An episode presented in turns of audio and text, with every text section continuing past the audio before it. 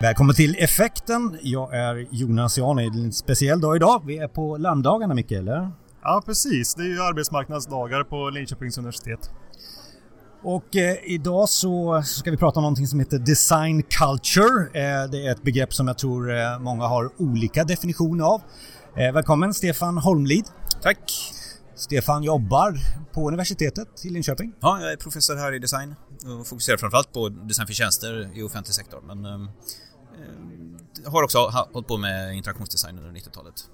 Men alltså då, då, vi har ju ämnet eh, design culture och vad är design culture för dig då? Ja, det är ju en... Eh, det är ju lite grann ungefär som att fråga vad är, eh, vad är agilitet eller någonting. Men om man, gör lite, om man liksom kokar ner det till någonting så, så ser jag det som att det är förmågan hos en organisation att kunna nyttja design på ett sätt som gör att man inte bara uppnår sina egna mål utan också de som man samskapar värdet tillsammans med. Och, och, för mig är det liksom, det kan vara, eh, väggarna ska vara i en speciell färg. Ja, det skulle kunna vara en, ett, ett sätt att driva på eh, att man får till en designkultur såklart. Men eh, det är inte det kanske som är kulturen i sig utan det är ju kulturen är ju de attityder och de eh, relationer och det man gör eh, snarare än det man, man har. Men är det ett ekosystem också? Alltså om man tittar på Apple till exempel så lanserar ju de oftast produkter mot sina kunder som är ett ekosystem där du känner att du är med dem och du känner att produkten är den du är ute efter eller du känner väldigt mycket för produkten. Är det samma känsla som design culture är fast för hela företaget? Både produkt och, och de som jobbar där och lokalerna. Jo, ja, men det är klart att det är en, någon slags systemperspektiv på det där. Eh, ekosystem är jag lite osäker på om man skulle kunna säga, för jag är inte så säker på att, att den ena äter upp den andra, utan det är väl snarare så att det är en samverkan mellan olika delar som, som, behöver, som behöver finnas där och funka på plats då. Men mycket av kultur sitter ju aldrig i någonting som är eh, i sig är, är väggar eller så, utan det sitter ju i de människorna som är där och befolkar och eh, skapar själ. Så en stad, om vi tar exemplet en stad, eh, så är det ju inte husen och gatorna och torgen som gör att det känns som att det är en, en levande stad. Utan det är människorna som är där. Vad de gör, vad de vill göra, vad de, vad de tänker sig och vilka, vad de då har startat för restauranger och butiker och vad det må vara, och små stånd och hit och dit. Och, så det är inte själva prylarna i sig utan det var ju med dem som är det, det viktiga och hur vi förhåller oss till dem och varandra. Finns det någon koppling till digitalisering? Eller design culture helt separat från just den biten? Jag skulle nog säga att design culture är lika centralt oavsett om det är digitalisering eller inte digitalisering. Men det är klart att i digitaliseringsvågen så kanske det är lättare att glömma bort. Det är lätt att fokusera på eh, feasibility och viability och så man bort det som är desirability. Men är det inte så att det blir en mognad också i och med digitaliseringen som kan anamma design culture? Människorna som, som är, eller är det generationer vi pratar om? Eller, eller där? Är det... Ja, det där är ju en jätte... Jag tänker så här. Eh, att design culture, det är relevant för alla typer av organisationer och alla typer av sammanhang. Digitalisering är ju bara det som händer nu. Eh, på eh, 1800 och 1900-talet så var det mekanisering. Design culture spelade jättestor roll då också. Eh, och digitalisering är bara ytterligare en av de här sakerna som händer som vi ser driver på en förändring. Och det är klart att då kan man använda det för att lyfta upp eller, man, eller det används för att, för att trycka ner det som är design culture och som kanske är det som skapar ett bra liv för människor snarare än att liksom, ja, man vill ju att det ska bubbla liksom och folk ska göra saker som blir bra för andra. Är det, är det här någonting som styrs av politiken då? Alltså våra makthavare och så? Kan de ge ett land en, en känsla av att vi, är ett, vi, vi har en design culture här. Vi, vi har högt i tak och det är innovation och det, vi är tillåtande liksom. Ja, absolut. Um, om man tänker eh, hela, hela policyarbetet som görs med att se till att vi har um, levande branscher av olika slag ehm, är ju viktigt såklart för, om vi tar digitalisering till exempel, så har vi ju en massa policyarbete och en massa eh, eh, vad ska vi kalla det för? Eh, utvecklingsarbete på nationell nivå som försöker driva på digitalisering såklart. Vad har vi, finns det något motsvarande när det gäller design, design culture? Ja, kanske, kanske inte. Eh, vi har det för arkitektur och för stadsbyggnad. Så, eh, så det är klart att politiken och policy är jätteviktigt för att kunna stötta upp och hjälpa till och se till att, man, att det blir lite fart under galoscherna helt enkelt. Effekterna på larmdagarna, Linköpings universitet idag. Vi pratar med Stefan Holmlid om design culture och nu har vi inledningsmässigt pratat lite högt om design culture men exempel på design culture, eh, vad är det för dig?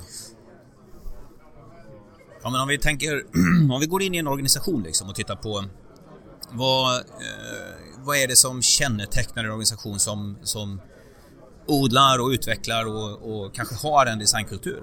Eh, så som jag sa i början där så handlar det om förmågan att använda sig av design för att uppnå eh, de syften man har och också andra syften då som man, eh, de man samskapar värde med. Och, en, en riktigt central fråga där det är både att sätta användaren i centrum, alltså användarcentrerad utveckling, men också att ha och ta användarens perspektiv. Så det räcker inte bara att prata om användarcentrering utan vi måste också ta användarens perspektiv. Och i samband med det involvera användare i det vi gör hela tiden. Då.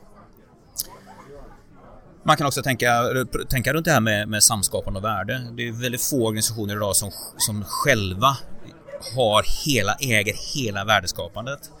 Så att använda det som, som tankefigur är också en del av det som jag menar är designkultur. Därför att man, vi kan se på de organisationer som har en bra designkultur att de ofta tänker utifrån att vi samskapar värdet eh, tillsammans med våra kunder och andra organisationer. Då.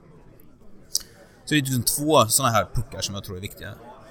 Prototypandet, att jobba med alternativ, att inte bara bygga en... Eh, tänka att nu, nu, nu, vet vi exakt vart vi ska någonstans och nu siktar vi på det där målet. Utan våga jobba brett, lite divergent och prototypa på vägen så att man vet och testa det då tillsammans med andra. Eh, så att man vet om det här är, att vi är på rätt väg eller inte. Och vi hittar kanske på helt nya saker på, på den vägen fram då. Och det bygger också på den här tanken om att vi inte bara kan fokusera på, på den tekniska lösningens struktur eller på affärer utan vi måste också titta på vad faktiskt folk vill ha eh, i slutändan. Och det är de tre ihop som gör att vi har till exempel innovation och innovationssystem. Då. Och det där är intressant när du säger sådär. Som när man jobbar själv då som konsult och sådär så tar man kanske vissa delar av det du nu sa och så, så gör man det till någon metod eller någonting för att vi pratar om eh, kundresan till exempel oftast. Senast läste jag någonting som eh, jag gick upp eh, i, i och tänkte på och det är uh, travel design. En gång till. Travel design. Ja. Alltså du ska alltså följa, det var ju där lite du sa här nyss här, alltså att du ska följa användaren och tänka lite mer. Och vad man menar med travel design för mig det var ju att eh, du börjar någonstans och lyssnar i den lurar på eh, musik. Och sen så fortsätter du på jobbet men med samma musik i lurarna. Eh, det bara följer dig hela vägen.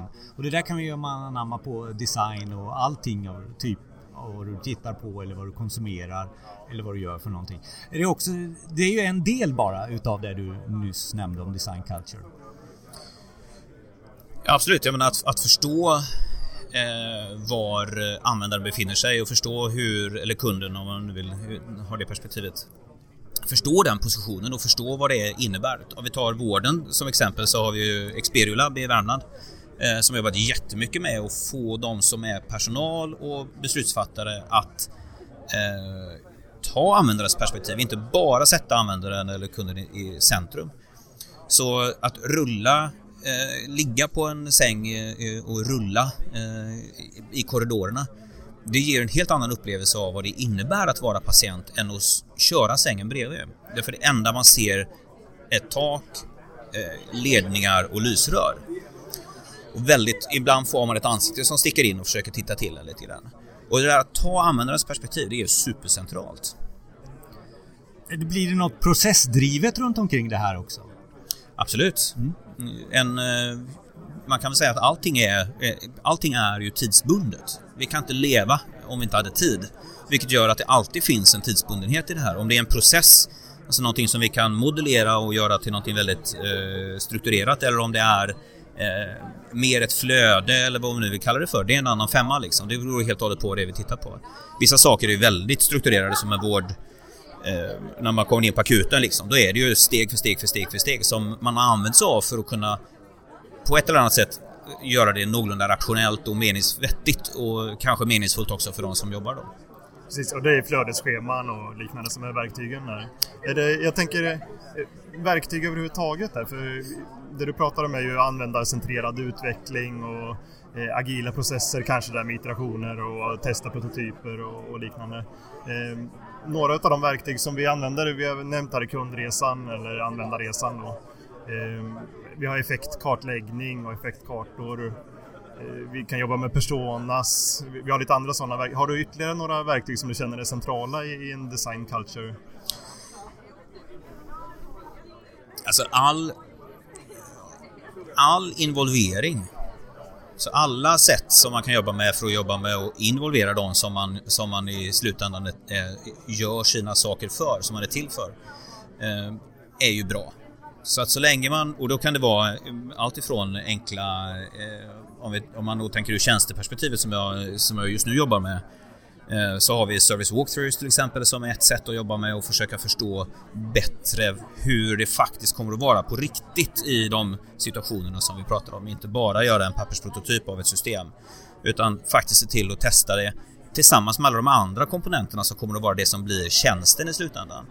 Eh, Men ändå inte en full implementation?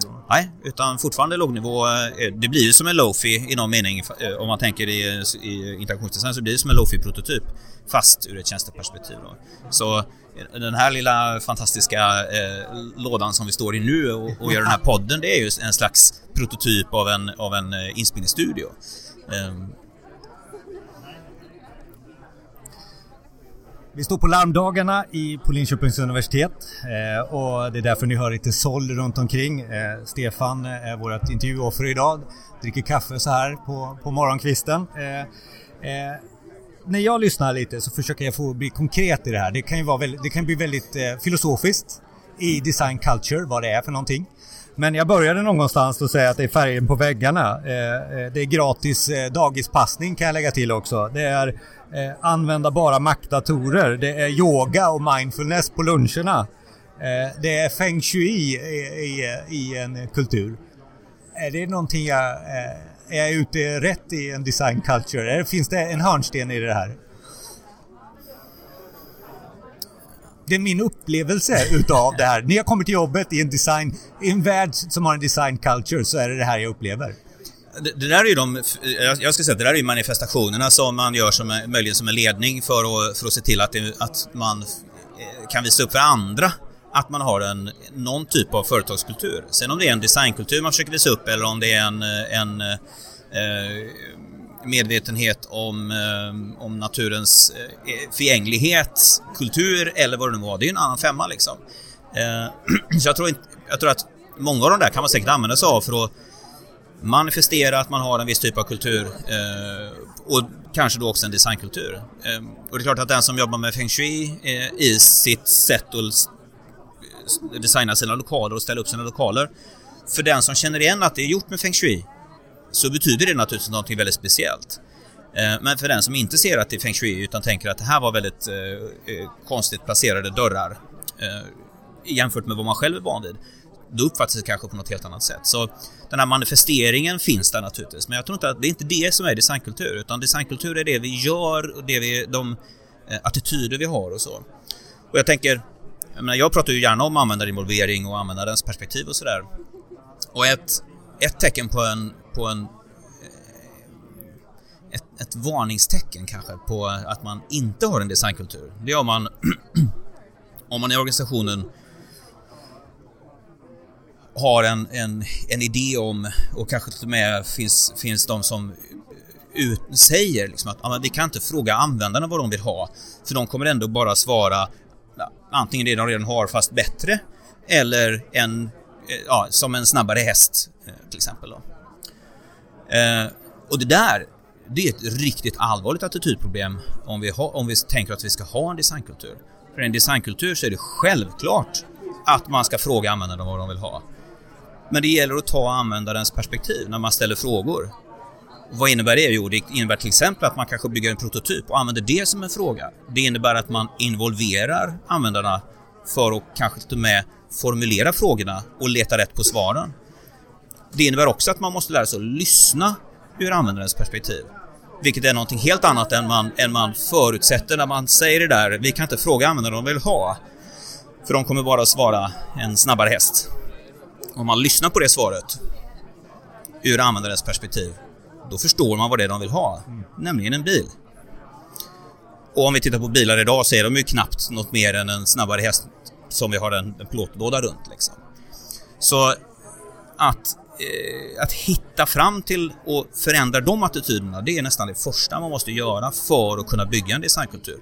Och då spelar det ingen roll vilka färger man har på väggarna, om man har eh, eh feng shui-designat eh, sin matsal, om man har ett pingisbord i källaren liksom, och med gratis eh, eh dagisplats. Det är helt ointressant. De kan möjligen vara verktyg för att kunna nå till att det är viktigt att, att eh, involvera och prata med användare, lyssna med användarnas eh, öron och, och låta dem vara med och ställa frågorna. Det är oerhört, det, är, det blir filosofiskt på något sätt också eh, i, i det här. Det är någon form av en framtid, människans framtid du pratar om också. Ja, absolut. I slutändan, om vi, även om det är väldigt konkret att lyssna med användarens öron. Det handlar ju egentligen bara om hur man, hur man gör. Ehm, så är det klart att i slutänden så handlar det om att vi vill, eh, ur ett designperspektiv, så vill man ju att, att världen ska bli bättre såklart. Människor ska göra om med mindre resurser, man ska göra om med mindre eh, mänskliga resurser, mindre fysiska resurser, mindre ekonomiska resurser. Så att vi har en, en möjlig framtid som ser annorlunda ut än den gör idag. Eh, där vi mår bättre, där vi har bättre relationer med varandra och så.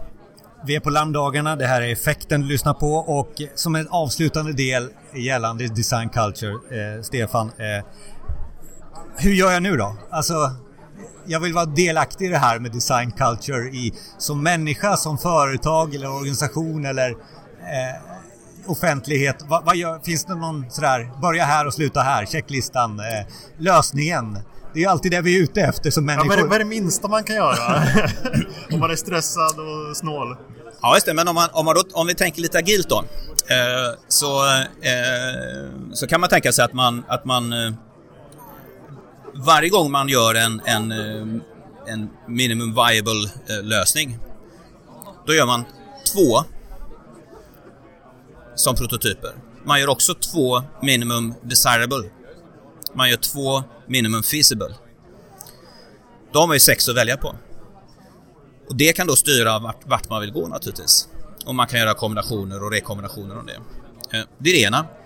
Det är att jobba framåt som vi brukar säga då. Man kan jobba bakåt också. Det där låter ju som att man måste bromsa sig när man tror att man har hittat den bästa lösningen. Absolut. För alla eh, som utvecklar någonting känner ju att nu har vi det bästa här. Och så vill Absolut. man inte presentera en massa alternativ, B-förslag liksom. Nej, men poängen är ju naturligtvis att vad man, gör, vad man kan börja göra då, det är ju att man kan göra, såna, göra radical assumption tests. Mm. Och inte bara assumptions på tekniknivån utan faktiskt på vad folk vill ha. Vad vi kan göra affär på. Eh, så där kan man börja om man tänker sig att man har en, en metod som tillåter det. Eh, i den andra änden så handlar det om attityder. Och se till att man faktiskt får de som jobbar i organisationen att börja tänka att de här som kommer att vara våra användare, det är de som kommer att bestämma om, den här prylen ska användas eller köpas. Så därför måste vi göra allt vi kan för att få med dem på båten och få dem att dela med sig av sin kunskap. Den är minst lika värdefull som, som min kunskap eh, som sitter i den här organisationen. Då. Så de två där kan man börja. Prototypandet eh, som också är eh, lite divergent. Attityden hos de som är anställda. Och sen måste man hitta fram till, till de arbetssätt, metoder och, och, tekniker som passar in i, det, i den bransch man är naturligtvis. För det kan ju se väldigt olika ut. Ja, då pratar du processer egentligen som en tredje, eller rutiner? Eller rutiner, ja. processer och rutiner, mm. absolut. Ja. Så att eh, prototyping, eh, attityder och processer och rutiner. Mm. Eh, det är liksom en, den korta varianten. Eh, Precis. Sen så krävs det ju lite mera eh, runt omkring det här. Absolut, förstås. för sen handlar det om att bygga förmåga i organisationen och det gör man ovanpå det. Förändringsledning. Eh, ja, absolut. Och då måste man ha, det kan hända att man måste göra sig av med, med chefer som inte förstår att, att eh, vi ska ha en, den här typen av attityd i den här organisationen och så. Det är en, men det är ju så livet är när man är chef. Tack Stefan, har vi något att tillägga? Här? Nej, jättekul att ni är här på Larmdagarna. Tack! Tack för att du kom hit och pratade om design culture. På effekten.se lägger vi upp lite av Stefans eh, eh, eh länkar, eh, länkar till det Stefan pratar om. Eh, jag är Jonas Jani. Micke Norbeck. Tack så mycket Stefan igen. Tack.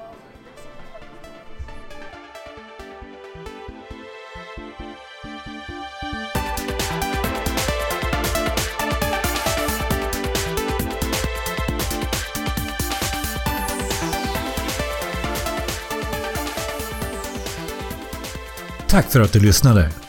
Fler avsnitt finns på effekten.se. Och vi vill höra från dig. Frågor och synpunkter? Maila oss på info effekten.se